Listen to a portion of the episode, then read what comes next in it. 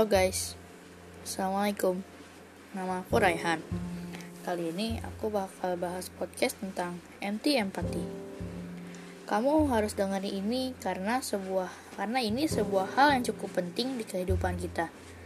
Jadi aku bahas ini karena ada sesuatu hal yang sudah pudar dan ini adalah sebuah hal yang membedakan manusia dengan hal-hal lain yang tidak manusiawi Akhir-akhir ini banyak kejadian yang bikin saya kesel.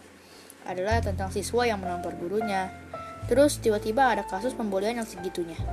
Mungkin hal ini terjadi karena mereka masih kecil kali ya. Ya aku juga masih kecil sih. Aku cuma miris aja. Kenapa anak-anak membuli sampai segitunya hanya karena alasan yang tidak cukup kuat? Cuman maksud aku, apa iya kita udah gak punya empati?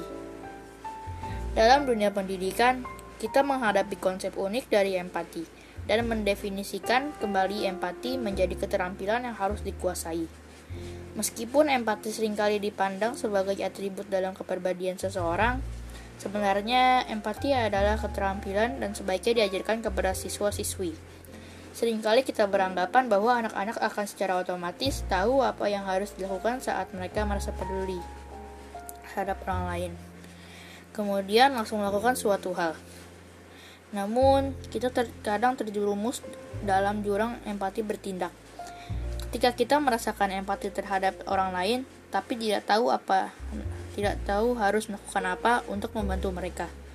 Guru dapat membantu anak-anak untuk melalui jurang ini dengan memberikan contoh dan mendorong mereka untuk melakukan tindakan, baik itu membela rekannya yang dicela, membantu memecahkan masalah, atau sesederhana mendengarkan orang yang sedang ada masalah. Empati itu penting, meskipun pengalaman orang lain tidak terkait dengan diri kita sendiri. Kita harus mencoba dan memahami mereka, setidaknya menghormati mereka.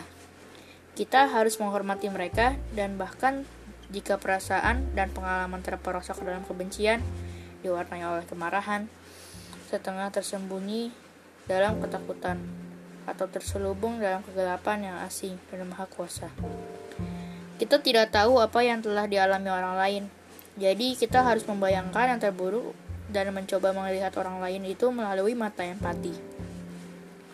Kita harus mencoba dengan menjadi dan menjadi baik, sabar dan pengertian meskipun naluri kita tidak melakukannya. Seringkali lebih mudah untuk bermain tangguh daripada menjadi lembut. Ada orang yang berusaha membentuk kelembutan kita dengan kepalan tangan dan kata-kata yang tajam. Untuk mendorong kita dan memotong kita sampai kita masuk ke dalam ruang yang mereka coba tutupi atau isi dalam upaya untuk menyembunyikan diri dan ketidaksempurnaan mereka. Manusia pada dasarnya tidak egois atau hanya mementingkan masalah keuntungan pribadi. Memang, penelitian terbaru membuktikan bahwa kita terhubung dengan kemampuan bersosialisasi dan keterkaitan dengan orang lain. Dengan kata lain, kita didorong untuk terhubung dan memahami dengan siapa kita berinteraksi. Mungkin segitu saja podcastnya. Makasih udah mau dengerin. Semoga bermanfaat bagi kalian yang dengerin. Wassalamualaikum warahmatullahi wabarakatuh. Bye bye.